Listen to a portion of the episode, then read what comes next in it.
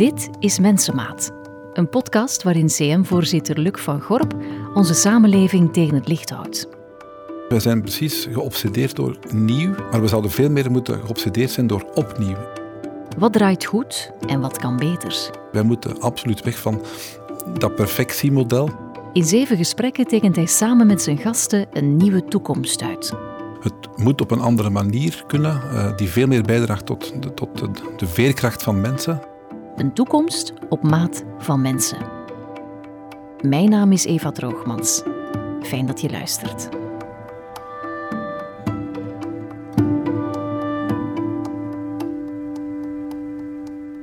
Dag Luc. Dag. Je bent de voorzitter van CM en in die rol ook dagdagelijks bezig met gezondheid, hè? zowel onze fysieke als onze mentale. Hoe gezond sta je eigenlijk zelf in het leven?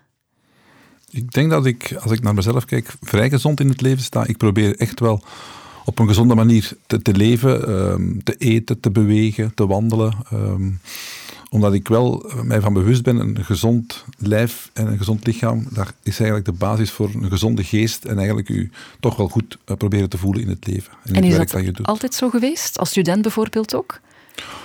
Ik heb altijd wel uh, gelopen en, en proberen mij te ontspannen, maar ik heb toch ook wel uh, het gevoel gehad, zeker bij de, de, crisis van het voorbije jaar, ik had toch ook wel een overgewicht. Ik heb daar toch ook wel werk van gemaakt, omdat ik begreep dat wij tot de risicogroep behoorden als je een stukje overgewicht hebt. Mm. En um, door een andere manier van eten en, en bewegen, zelfs in deze moeilijke dagen of moeilijke weken of moeilijke maanden, heb ik dat toch wel belangrijk gevonden om mezelf uiteindelijk in stand te houden en elke dag mee het verschil proberen te maken. Mm -hmm. Je hebt een diploma verpleegkunde op zak. Waarom heb jij ooit gekozen voor die opleiding?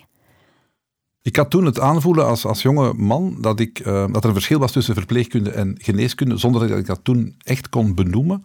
Um, maar ik had wel, omdat ik met een ambulance dienst had meegereden als jonge gast, wel het gevoel dat de manier hoe dat patiënten zich kenbaar maakten naar de, de begeleider uh, anders was dan in het contact dat ze hadden met een, een, geneesheer. En ik heb mij altijd heel erg verbonden gevoeld bij de intimiteit in de zorgrelatie bij patiënten, um, waar dat je volgens mij veel dichter op mekaars vel zit, letterlijk en figuurlijk, uh, dan dat dat zou geweest zijn voor geneeskunde. En het was inderdaad een soort zorgspecialist worden in plaats van een geneesspecialist.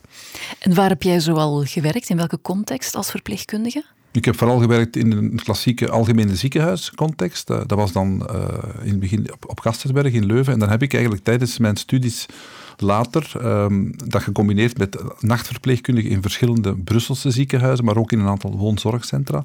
En dat was dan zowel op een, een, een afdeling intensieve zorgen als een afdeling uh, met uh, kankerpatiënten, mm -hmm. um, waardoor ik wel een, een, breed palet heb mogen leren kennen van mensen die allee, zorgafhankelijk waren. En wat gaf jou daarin eigenlijk de meeste voldoening? Het, het, het mee het verschil kunnen maken. Niet alleen in de dingen die je doet, eh, het, het, klassieke klinische werk of, of de, de, inspuiting of de medicatie geven, maar vooral het aanwezig zijn bij patiënten, zeker s'nachts, in de zorg die je daar dan uh, kon beluisteren van patiënten. Het nabij zijn, het gewoon eigenlijk, om het heel eenvoudig te zeggen, het er zijn bij patiënten in hun, in hun zorg en afhankelijkheid. Kan je ook benoemen wat jou het meest geërgerd heeft of het meest gefrustreerd in die job van verpleegkundige, waar je tegenaan bent gebotst? De grootste zorg die ik altijd gevoeld heb, is um, de, onbekwaamheid van, van veel professionals om een relatie aan te gaan met, met de patiënt en zijn omgeving. E, echt zo van um, het reduceren tot een, tot een kamernummer, het, het, reduceren tot een naam en een code of een, of een, of een, of een inschrijvingsnummer. Uh, ik heb altijd uh, geprobeerd juist um, de connectie te maken, ook al was die heel kort. Ik, ik geef een voorbeeld op, op een afdeling endoscopie waar patiënten enkel voor een onderzoek kwamen. Ook op dat moment, als je maar een kwartier had voor een gastroscopie, um, dat je dan toch ook een, een, relatie kon aangaan met die patiënt, die dat toch wel niet zorgeloos toekwam. Hè. Dus en op die manier um, heb ik altijd gereageerd op het feit dat we blijkbaar het moeilijk vinden om een echte connectie te maken met patiënten en zijn omgeving. Ons zorgsysteem is toe aan een reset, een verandering. We laten te vaak kansen liggen om echte zorg te bieden. Dat begrijp ik uit jouw boek en uit jouw verhaal nu ook. Om voorbij die puur fysieke behandelingen te denken. Je pleit, Luc, voor meer connectie tussen zorgverleners en patiënten en ook voor minder um, commercie. Daar valt heel veel over te vertellen. En daarom hebben wij opnieuw iemand uitgenodigd vandaag.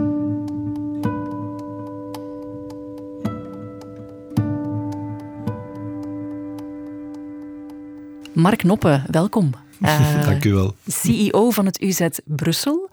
Luc, jij wilde Mark er heel graag bij hebben. Is dat omdat jullie elkaar persoonlijk kennen?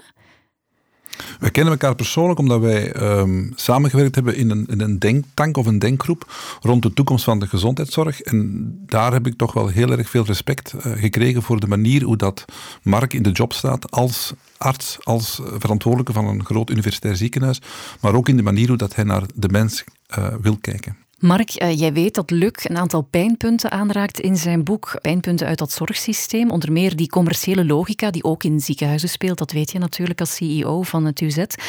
Je weet waarschijnlijk ook hoe verstikkend dat kan zijn. Maar laten we beginnen bij het begin. Uit cijfers, uit onderzoek blijkt dat op dit moment één op de drie ziekenhuizen in ons land in het rood zit. Dan vraagt natuurlijk iedereen zich af, hoe kan dat? Heb jij daar een simpel antwoord op? Um, mocht daar een simpel antwoord op bestaan, dan was het allicht simpel om op te lossen. Uh, het heeft allemaal te maken met de manier uh, waarop de financieringsmechanismen in onze zorg, in ons land, uh, werken op basis van welke principes ze zijn gebaseerd. Wij spreken altijd over, over gezondheidszorg, maar die hebben wij niet. Hè. Wij hebben een ziekenzorg. Uh, wij zijn heel sterk geaxeerd op het repareren van wat kapot is in, mm aan hun lichaam of in hun geest als het gaat over de psychiatrische, psychiatrische ziekenhuizen. En de basis van ons mechanisme, of, of van ons betalingsmechanisme, ons financieringsmechanisme eigenlijk, is uh, volumeafhankelijk. Hè. Dat principe is een Engels woord, fee for service. Dus de zorgverstrekker wordt betaald zoals men zegt in Brussel, alact. Per handeling die wordt verricht, krijg je een bepaalde som, volgens bepaalde criteria bepaald. En, en dat doet niet ter zake, maar dat is het grote principe. Dus als u weet dat een ziekenhuis zoals het mijne uh, draait een omzet van een half miljard euro, dat is heel veel geld. Mm Dat is tussen haakjes ook publiek geld. Dat vergeten we soms, maar het is publiek geld, dus wij moeten ook publieke verantwoording afleggen, vind ik. En dat is heel veel geld. En een groot deel daarvan, of het, het leeuwendeel daarvan, krijgen we op basis van het volume van medische actes die wij presteren. Ja? De oorspronkelijke idee erachter heeft ook voordelen. De naam zegt het zelf. De service die je kan leveren is dan wel heel hoog. En dat is ook een kwaliteitselement. Het nadeel is dat het, ik durf het bijna niet te zeggen, maar intrinsiek pervers is. Want ik, ik druk mij uit, er zijn 100 ziekenhuizen in België. Alle 100 ziekenhuizen worden op deze manier gefinancierd. En dus alle 100 ziekenhuizen hebben er belang bij dat er zoveel mogelijk zieken zijn. Want daarmee verdienen zij hun geld. Hmm. Nu, als je dat macro... geld dat blijkbaar nodig is, Mark, om de facturen te doen kloppen. Want ik begrijp ook uit dat onderzoek dat ziekenhuizen chronisch ondergefinancierd worden vanuit de overheid. Ja, en hoe komt dat dan? Hoe komt dat dan? Want als je dit systeem uh, hanteert, dan is een systeem dat per definitie nooit genoeg zal hebben. Mhm. De bevolking veroudert en wordt dus meer zorgbehoevend. De medisch-technologische vooruitgang maakt dat de mensen ook ouder worden met veel drager van chronische ziektes. Ja? Je gaat niet meer dood aan een infarct, je gaat niet meer dood aan een trombose, maar je blijft leven. Maar je hebt levenslang zorg nodig. Dat kost allemaal geld. De nieuwe technologie en vooral in de farmaceutische omgeving, dus de nieuwe geneesmiddelen die worden gemaakt, de weesgeneesmiddelen, zijn ontzettend duur. Dus de, de factuur loopt alleen maar op. Ja?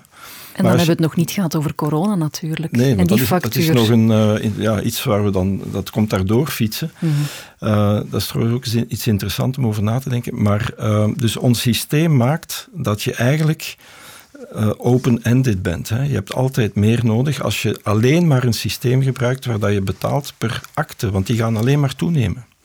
En dan kom je op een punt waar dat ik dan problemen mee heb, is dat wij de voorbije tien jaar ongeveer elk jaar, behalve in de coronatijd, besparingen hebben gekend. En ja, het eerste wat je dan, waar je dan op moet knibbelen, is ook op personeel. Mhm. Dat betekent minder handen aan bed vooral in de verpleegkunde baart mij dat enorm veel zorgen, want we waren daar al niet de beste leerling van de klas.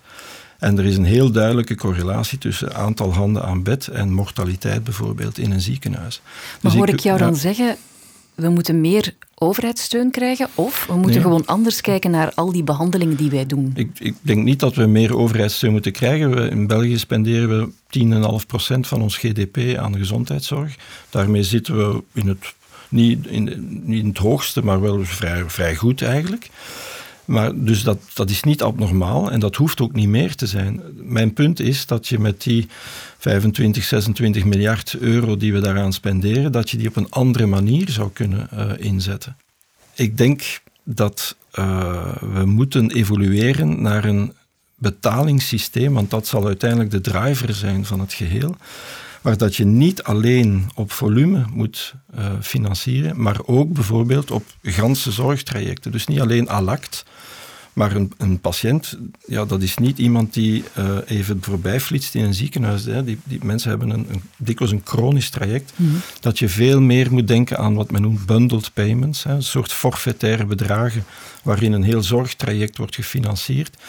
Uh, je kan ook een deel capiteren, hè, een deel, uh, ja, een soort solidariteitsbeginsel toevoegen en een deel fee for service, want dat is ook een kwaliteitsaspect.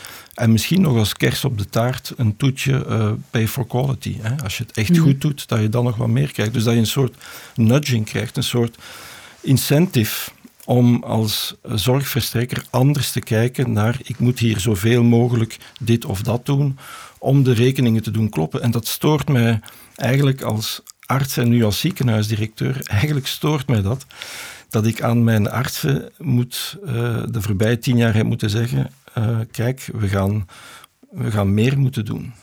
We gaan uh, meer onderzoeken, meer dit, meer dat, want anders kloppen de rekeningen niet meer. En dat stuit mij enorm tegen de borst, ook al omdat ik in een universitair ziekenhuis werk, waar de meeste artsen werken, niet uit een soort commercieel oogpunt, maar die doen graag ook wetenschappelijk onderzoek, die geven graag les en zo. En als ik aan die mensen die hebben, moeten kiezen, die hebben gekozen voor deze job, die ook minder verdient dan in een privé-instelling. Als ik die dan nog moet zeggen, ja, je gaat je toch wel een beetje moeten gedragen zoals in die privé-instelling. Dat is niet gemakkelijk en dat mm. botst op de limieten. Mm. Ja, dat doet pijn, kan ik me voorstellen. Luc, wat denk je eigenlijk als je dit allemaal hoort? Dit is geen, geen nieuwigheid, denk ik, hè, voor jou? Dit, in elk geval de manier hoe dat uh, Mark daarover denkt, uh, kan ik heel erg ondersteunen. Hè, van, van, eigenlijk worden vandaag inderdaad de verkeerde dingen gefinancierd. En moeten wij naar een hele omturning of paradigma shift gaan en niet te vertrekken vanuit het leveren van prestaties, hè, waar eigenlijk het ziekenhuis een, een businessmodel is geworden, maar je zou eigenlijk moeten vertrekken vanuit een gezondheidsperspectief en waar dat je vertrekt vanuit gezondheidsdoelstellingen en gezondheidszorgdoelstellingen. Nu, um, ik voel wel aan, ook mede door de, de crisis, dat natuurlijk vandaag uh, geconstateerd hebben dat heel veel artsen, omdat ze geen prestaties konden doen, een aantal artsen hebben niks kunnen presteren, um, ook geen inkomen hadden. En dat is nu iets wat nooit voorzien kon worden van uh, hoe is dat nu mogelijk? En voel ik toch ook wel dat er vandaag in het debat stemmen opgaan van oei, zo'n zo crisis kan ons nog overkomen. Zitten we dan wel in het juiste verdienmodel? En ik voel heel duidelijk dat er zowel vanuit, vanuit de mutualiteiten, maar ook vanuit de, zorgverstrekkers en vanuit de, voorzieningen er echt wel de wil is om die gezondheidszorgdoelstellingen, um, die vandaag ook gestipuleerd zijn, om daar echt aan de slag aan te gaan en op die manier het budget dat we krijgen van publieke middelen anders gaan verdelen. Dus ik ben wel hoopvol, maar we gaan toch, um, denk ik, heel hard moeten blijven vertrekken vanuit wat is wat de patiënt eigenlijk wil. Die wil inderdaad kwaliteit van zorg, die wil ook kwaliteit van leven en die wil niet per se um, de, de, de, het laatste nieuwe snufje dat dan een onbetaalbare uh, factuur oplevert, zowel rond technologie, maar ook rond farmaceutische middelen of geneesmiddelen die we vandaag uh, aangeboden krijgen. Hm. Mark, in een interview in Trends van enkele jaren geleden zeg jij het volgende. Als elk ziekenhuis elk jaar groeit, dan betekent dat vooral dat de bevolking zieker wordt. En dat is een probleem. We kunnen dat als maatschappij ook niet blijven betalen. We hebben dringend een ander perspectief nodig. Welk perspectief mag dat zijn? Kan dat zijn bijvoorbeeld minder ziekenhuizen? Meer samenwerkingen, meer specialisaties voor bepaalde ziekenhuizen? Wel, um, tot voor de coronacrisis, en eigenlijk nu nog hoor, uh, denk ik dat wij, um, uh, als je het uitdrukt in aantallen, uh, dat wij te veel acute ziekenhuisbedden hebben. tussen haakjes, tijdens de coronacrisis heeft ons dat wel geholpen. Maar dat was een uitzonderlijke situatie. Maar globaal genomen, vergeet nu even de pandemie die elke 50 of 100 jaar zal voorbijtrekken, uh, zijn wij heel sterk geaxeerd op intramurale, zoals dat heet dan. Hè, dus in, in ziekenhuisomgeving uh, geconcentreerde zorg. Na Duitsland en Oostenrijk zijn wij het land met het hoogste aantal ziekenhuisbedden. En ik moet zeggen, ik ben zelf arts van opleiding en ik, ik ben nog altijd verbaasd hoe vernuftig en hoe vindingrijk en hoe fantastisch wat er allemaal ge gebeurd is en wat er allemaal kan om mensen te helpen die iets meemaken. En, en dus to fix what's broken. En daar zijn we heel, heel, heel sterk in geworden. Maar ook daar botsen we op onze limieten. Hè. De, we worden geen 180 jaar, hè. we gaan allemaal dood. Maar we willen het wel, heb ik de ja, indruk. Nee, we, nee, dat willen we niet. Ik ken toch heel weinig mensen die 180 jaar zouden willen worden. Maar ze, paar, willen, ze willen toch wel graag hun leven zo lang mogelijk rekken? Nee, nee, nee, nee. ze willen zo lang mogelijk, zo gezond mogelijk leven. Dat denk ik, daar tekent iedereen voor. Ja. Je wordt geboren, je leeft gezond tot je 85 bent en het licht gaat uit, bij manier van spreken. Terwijl onze historische evolutie in de gezondheidszorg net gefixeerd is op, ja, maar we kunnen dit repareren, we kunnen dat repareren enzovoort. En dus, wat ik bedoel is, uh, we gaan altijd dit soort, ik zou het bijna noemen, hoogtechnologische geneeskundeplekken nodig hebben. Dat noemen wij ziekenhuizen. We zouden er tegelijkertijd, en dat is de paradox, voor moeten zorgen dat die ziekenhuizen zo leeg mogelijk zijn. En daarom moeten we ons fixeren niet alleen op die ziekenzorg, waar 98% van ons budget naartoe gaat, maar eerder naar gezondheidszorg. En te voorkomen mm -hmm. dat die mensen in die ziekenhuizen terechtkomen. En hoe komt dat dat er op dit moment maar 2% van dat gigantisch budget, uh, corrigeer me als ik fout zit, Luc, 45 miljard euro voor gezondheidszorg? 2% daarvan gaat naar preventie. Hoe komt dat? Dat dat is? Uh, dat is niet echt cool, hè? dat is niet sexy. Hè? Daarvoor zijt je niet opgeleid op de universiteit als arts. Je bent opgeleid als een soort uh, dokter Kildare. Die, maar als er nu één sector is, Mark, waar ja. we niet bezig moeten zijn met sexy of coolness, dan is het toch wel de gezondheidszorg? Ja, weet ik, maar uh, zo, zo werkt het niet. en ik, ik zeg dat een beetje als een boetade, hè? maar... Um, we hebben dat eens nagekeken en er zijn studies over. Uh, we hebben 700 bedden of zoiets in ons ziekenhuis. Uh, dik de helft van al de mensen die daar liggen, liggen daar om redenen die vermijdbaar zijn. Roken, overgewicht, dieet, alcohol, dan cholesterol en bloeddruk, maar daar kan je toch wel preventief tegenwoordig, secundair preventief iets aan doen. Dus, en als je dat uitdrukt in een soort bollengrafiek, hè, van de, de, de grootte van de bol is dan ja, het aantal mensen dat om die reden daar uiteindelijk ligt. Ja, dat maakt meer dan 50% uit van mijn patiënten elke dag. Dat is gigantisch. En dus ja, en we kunnen die mensen ook allemaal helpen, hè, tussen haakjes, dankzij onze technologische en opgebouwde medisch-technologische, farmacologische kennis. Maar ze hadden er maar nooit eigenlijk liggen. hadden ze er niet moeten liggen. Mm -hmm. En vandaag roken nog altijd 1 op 4 of zo, of 1 op 5 van, van de Belgen. Ik begrijp dat niet. Um, en en dat, is, dat is en ik ben dan longarts, dus ik ben een beetje geaxeerd daarop. Mm -hmm. Maar het geldt eigenlijk voor, voor, voor uh, ja, ons hele attitude, gedrag. Hè. Mm -hmm. En we hechten daar in de medical school, in de universiteit, eigenlijk denk ik te weinig aandacht aan. En ik ben daarin een klein beetje een buitenbeentje, omdat ik dat wel doe. Uh, want ik, ik vind dat wel heel belangrijk. Uh, mijn punt is, als je dan gedrag wil veranderen, dan moet je dus niet inwerken op je linker hemisfeer. Iedereen weet dat roken ongezond is. Dat moet je niet nog eens uitleggen enzovoort. Maar je moet inwerken op gedrag. Hetzelfde zie je nu met vaccinaties. Een hele hoop mensen wil zich niet laten vaccineren, om allerlei redenen. Het is maar een, een minderheid daarvan die je kan overtuigen met rationele argumenten. Je gaat andere middelen moeten inzetten. Dat mis ik een beetje, dat, dat aspect.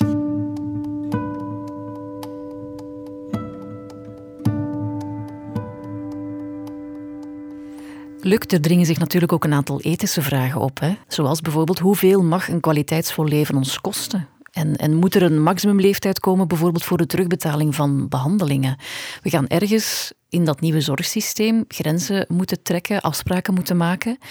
Kunnen wij dat voor iemand anders bepalen? Wie moet daar eigenlijk zijn zeg over doen? Hoe zie jij dat?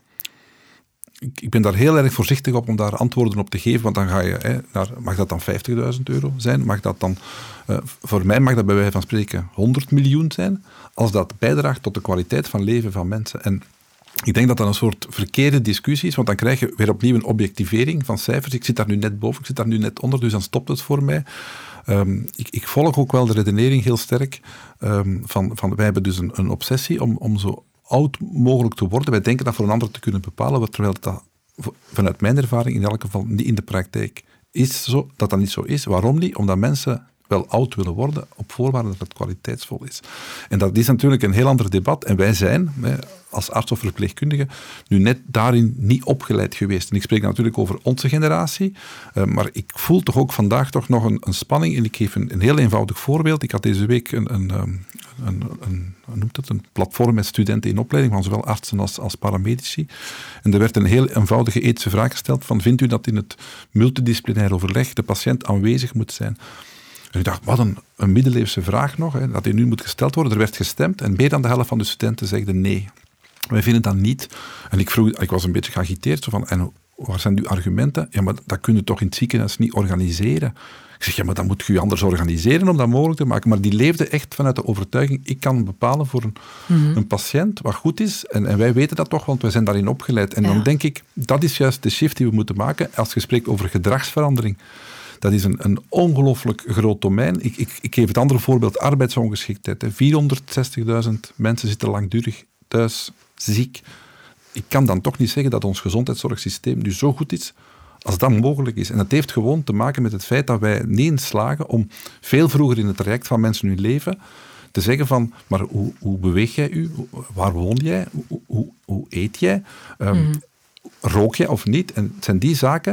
En het is niet door te zeggen, je mag niet roken, dat je problemen gaat opgelost zijn. Dus dat vraagt een, een heel andere methodiek, een andere, uh, zelfs een andere beroepsvorming van, van pedagogen of, of, of psychologen. En ik vind dat heel vreemd als verpleegkundige vandaag binnen de CM, hoe vaak dat ik het woord pedagogisch gebruik. En dan denk ik dat sommige mensen het niet helemaal verstaan hebben van je gaat een, een pedagogie moeten ontwikkelen om dat uit te leggen, om die transitie te doen. Als ik straks zei van je gaat werken met gezondheidszorgdoelstellingen, ben ik er mij van bewust dat de helft van mijn toehoorders op dat moment niet goed snappen waar heeft hem het nu eigenlijk over. En dat is dus dat is de grote uitdaging. En, en dan gaan we inderdaad, als je spreekt over waar gaan de middelen naartoe gaan, vanuit gezondheidszorgdoelstellingen zal het niet alleen in het, in het behandelende sector zijn, op basis van diagnose en behandeling dan, maar veel meer in het preventief, in het voorstuk. En dat, begint, dat, dat, dat ontwikkelt zich niet in een ziekenhuiscampus, hè. dat ontwikkelt zich bij wijze van spreken bij de geboorte, in de scholen, in de plek waar dat je woont en werkt, mhm. enzovoort, enzovoort. Ja. Ik hoor jullie zeggen, er is veel werk. We hebben veel partijen nodig die daar hun schouders onder gaan zetten, niet in het minst de politiek. En ik denk, hoe gaan we dat dan doen in een land waar hoeveel zijn het er, acht of negen ministers bevoegd zijn over dit, dit vlak, dit domein? Hoe, hoe moet zoiets? Daar had ik een weddenschap afgesloten met Magie de Blok toen ik een weekend met haar doorbracht in Poupenhan. De tijd had ons bij elkaar gestoken. 48 uur in een tof hotel aan de Semois. Ja. En s'avonds aan het open haardvuur met een glas wijn uh, vroeg ik aan Magie, vertel mij nu eens, hoeveel ministers zijn er hier eigenlijk? En uh, zij zei toen zeven, denk ik. En het was in die regering. Hè. En ik zei, nee, het zijn er acht. En we hadden allebei gelijk, want die achtste was eigenlijk een staatssecretaris. Dus dat was niet echt een minister. Maar enfin, bon, die was ook verantwoordelijk voor iets in onze gezondheidszorg. We lachen er nu een beetje mee, maar eigenlijk is het schrijnend. Maar het is, het is uh, verbijsterend. Ik had ooit de burgemeester van Shanghai op bezoek in ons ziekenhuis met een delegatie. Je kent dat, hè, die, die mm. handelsmissies en zo. En ehm, we waren bezig over het gezondheidszorgsysteem. Mocht China dezelfde logica volgen als wij, dan zouden ze daar iets van een 1400 ministers van volksgezondheid hebben. dus ik bedoel maar, ehm, het is eigenlijk heel eigenaardig. We hebben zaken gesplitst die eigenlijk absurd zijn. In de, in de eerste bachelor geneeskunde leer je dat gezondheid en ziekte, dat is een spectrum hè, met preventie en curatie enzovoort. En wat doen wij? Wij splitsen dat. Hè. Wij geven preventie op één niveau, curatie zal ik dan maar zeggen aan een ander niveau, en dan nog met andere partijen en andere taal. Enfin, we maken het heel complex en vanuit een medisch standpunt absurd. Dit is gewoon, ik durf dat echt zeggen en ik zeg dat ook tegen alle uh, betrokkenen, dit is absurd. Hè. Dat is niet goed. Uh, zo en, krijg en welk geen, antwoord krijg je dan als je dat zegt? Dat ik gelijk heb. Dat is nog en het daar ergste. stopt het dan? Dat is nog het ergste. Ze geven mij allemaal gelijk. Onder vier, allee, in zijn studio zoals hier, maar zonder... Uh, Ze zeggen allemaal, ja, dat is waar, dat is niet goed. Maar ja, bon, dat was toen zo. En de zesde staatshervorming, dat was, dat was een paardenmarkt, hè, de marché raap met budgetten. En ja, daar is niet, daar is niet inhoudelijk nagedacht, maar in, in term, nagedacht in termen van evenwichten en geld. En dit is gewoon absurd. En ze geven het dan ook, ook nog allemaal toe. Nu, dat is één ding. Ik zou zeggen, dat is verleden, maar waar moeten we dan naartoe? dat is dan voor mij dan, uh, daar ben ik heel benieuwd naar. Want iedereen heeft nu wel door, na de coronapandemie, dat dat ons niet geholpen heeft, hè, deze versnippering. Ik mhm. ben heel beleefd nu. Hè. Dat heeft ons niet geholpen. En iedereen is ervan overtuigd dat we dit moeten herzien. En dat is een momentum, denk ik, Luc. Dat kan uh, hopelijk, is ons geheugen niet te kort na de crisis om dat momentum te gebruiken om echt een keer goed na te denken over de hervorming van de gezondheidszorg en vooral de governance daarvan. Naar mijn aanvoelen is uh, dat je eerst met z'n allen moet overeenkomen wat we eigenlijk willen. Hè wat willen we nu eigenlijk? Wat zijn de gezondheidsdoelstellingen, zoals je zegt? Maar heel concreet, hè, eh, welke soort gezondheidszorg willen we? Ik denk dat iedereen het daar in grote lijnen over eens is. Zeker de toegankelijkheid, eh, de nabijheid, de kwaliteit en dat soort zaken, dat willen we. En dan moet je eens bekijken hoe we dat gaan, welk financieringsmodel. Dat is dan de tweede belangrijke vraag. Willen we een solidair systeem gebaseerd op solidariteit, verzekering enzovoort? Uh, en dan mm. uh, moet je bekijken hoe gaan we dat in een land als België, hoe gaan we dat het beste financieren? Met 11 miljoen, met 6 miljoen, plus 4, plus 2, plus 1. Ik, ik, ik ben nogal, ik, denk, ik hou van logica. Uh, en van wiskunde. Dus als je over solidaire systemen, uh, over verzekeringssystemen spreekt, ja, dan moet je de grootst mogelijke bijdrage hebben. Dat is evident. Dus het lijkt me, het lijkt me dat, ik durf het bijna niet uitspreken, maar dat je dan in een soort federaal uh, financieringssysteem toch best blijft. Want anders maak je het al extra duur. Dat kan de bedoeling niet zijn. De derde vraag is, hoe ga je de uh, dat is voor mij de healthcare delivery, zoals dat heet. Hè. Hoe breng je de gezondheidszorg bij de burger? En daar heb ik gezien in het buitenland, daar zijn, dat moet best op een zo nabij mogelijke schaal zijn. Ja? En dan kun je zeggen, ja, dat zijn dan misschien de gewesten of de gemeenschappen of de provincies of wat dan ook. Maar er is wel een soort optimum van schaal. En Nederland heeft daar een mooi model voor de GGD's. De, de gemeentelijke gezondheidsdiensten, dat is zo, die hebben Nederland in 25 zorgregio's verdeeld. Dat hebben wij ook gedaan. Hè. De, de, de zorgregio's van minister Van Deurzen, dat is ook zoiets van die grote orde. Uh, Denemarken heeft dat gedaan, uh, met daarboven een, een, een zeer lean, simpele structuur. één federale minister en dan enkele van die, van die gebieden. Uh, maar je, kan dat berekenen, hè, wat, wat het meest kostenefficiënt is. Want met de beperkte middelen die we hebben, ze zijn, ze zijn groot, maar we zijn toch eindig hoe, hoe je de best mogelijke delivery kan verzekeren. En ik zou dat heel graag, dat debat voeren buiten het partijpolitieke of ideologische standpunt. Maar gewoon op basis van feiten en, en waar je naartoe wil, van een wit blad als het ware. En dan zien welk model het beste is. En dan is het aan de politici om dat te vertalen in, in structuren. Maar het omgekeerde, zoals we vandaag doen, Namelijk, we vertrekken vanuit wij vinden dat het federaal moet, wij vinden dat het de gemeenschappen zijn, wij vinden dat het de gewesten zijn. Dan stopt het debat. Mhm. Maar dan, heb je dus een, politiek systeem nodig van partijen die algemeen ja, zich focussen op het hogere doel. En ik denk helaas dat we daar nog niet echt zijn. Luc, nog een, een laatste vraag voor jou. Minister Van den Broeke is op dit moment bezig met het hertekenen van die gezondheidszorg, met dat systeem, of alleszins aan het nadenken over. Zie jij daar al een aantal lichtpunten of een aantal goede evoluties? Ik zie uh, hele goede evoluties. Eh, los van de, de governance, waar dan Mark van sprak, staat in het federale regeerakkoord van, van deze regering dat er um, gewerkt worden op basis van gezondheids- en gezondheidszorgdoelstellingen. Vanuit een brede visie op gezondheid. Dat staat voor de eerste keer, in mijn weten, in mijn leven, uh, binnen het regeerakkoord. Nu, misschien hebben een aantal mensen dat niet gelezen, maar ik vind dat ongelooflijk goed nieuws. Het feit dat nu binnen de contouren van het, het dus het, verzekeringstechnisch systeem dat we in België kennen, daar een equipe op gezet is om daar vanaf nu werk van te maken. Dat uh, eigenlijk naar een soort van nieuwe budgettaire oefening gaat in het verdelen van de middelen voor de zorg, hè, of voor de gezondheidszorg. Ik noem dat revolutionair. En dat is alleen maar mogelijk omdat we inderdaad met een heel sterke minister zitten die dat kan afdwingen die um, eigenlijk die paradigma shift um, eigenlijk oplegt bijna, in samenspraak met, met de ziekenfondsen en met de zorgverstrekkers en de zorgvoorzieningen. Um, en we gaan dus eigenlijk opnieuw een, een soort van methode ontwikkelen hoe dat we dat gaan doen. Hoe gaan we naar een meerjarenbudget? Hoe gaan we werken op basis van die doelstellingen die we willen bereiken? Dat is, dat is echt het omdraaien van de werkelijkheid. Hè? Eh, om uiteindelijk de budgetten in de hand en beheersbaar te houden. Dus ik, op dat vlak ben ik heel hoopvol. Um, en voel ik toch wel op alle terreinen van de klassieke lobbygroepen die er bestaan, dat doordat je het verhaal honderden keren vertelt, hè, van wat is dan een brede visie op gezondheid en wat is dan de gezondheidszorg en hoe moeten we dat dan structureren, dat je wel voortgang maakt. En ik denk dat het inderdaad een, verpletterende verantwoordelijkheid is van um, verantwoordelijken in ziekenhuizen, verantwoordelijken van artsensyndicaten, verantwoordelijken van ziekenfondsen, dat die inderdaad um, een stem geven niet voor zichzelf, maar wel voor een burger die snakt naar gezondheid. En ik denk vandaag in, in tijden van crisis met corona, ik denk dat we nu vandaag ook veel meer begrijpen dat gezond zijn veel meer is dan niet ziek zijn, want dat gaat dan over eenzaamheid, dat gaat mhm. over isolement, dat gaat over heel veel meer dan psychische of existentiële vragen. En dat is inderdaad dan het goede aan een crisis, dat er ook heel veel opportuniteiten naar boven komen. Ik hoor jullie vooral zeggen, we hebben een ander soort politicus nodig. Eentje met visie hè, eh, op wat een maatschappij en samenleving nodig heeft.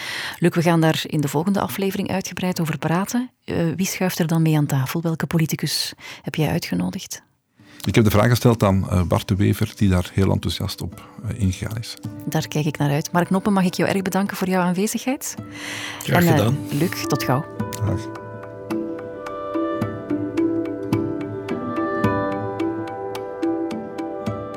Deze podcast kwam tot stand in samenwerking met CM en uitgeverij Pelkmans. Luc schreef zijn gedachten ook neer in een boek. Mensenmaat, een pleidooi voor imperfectie.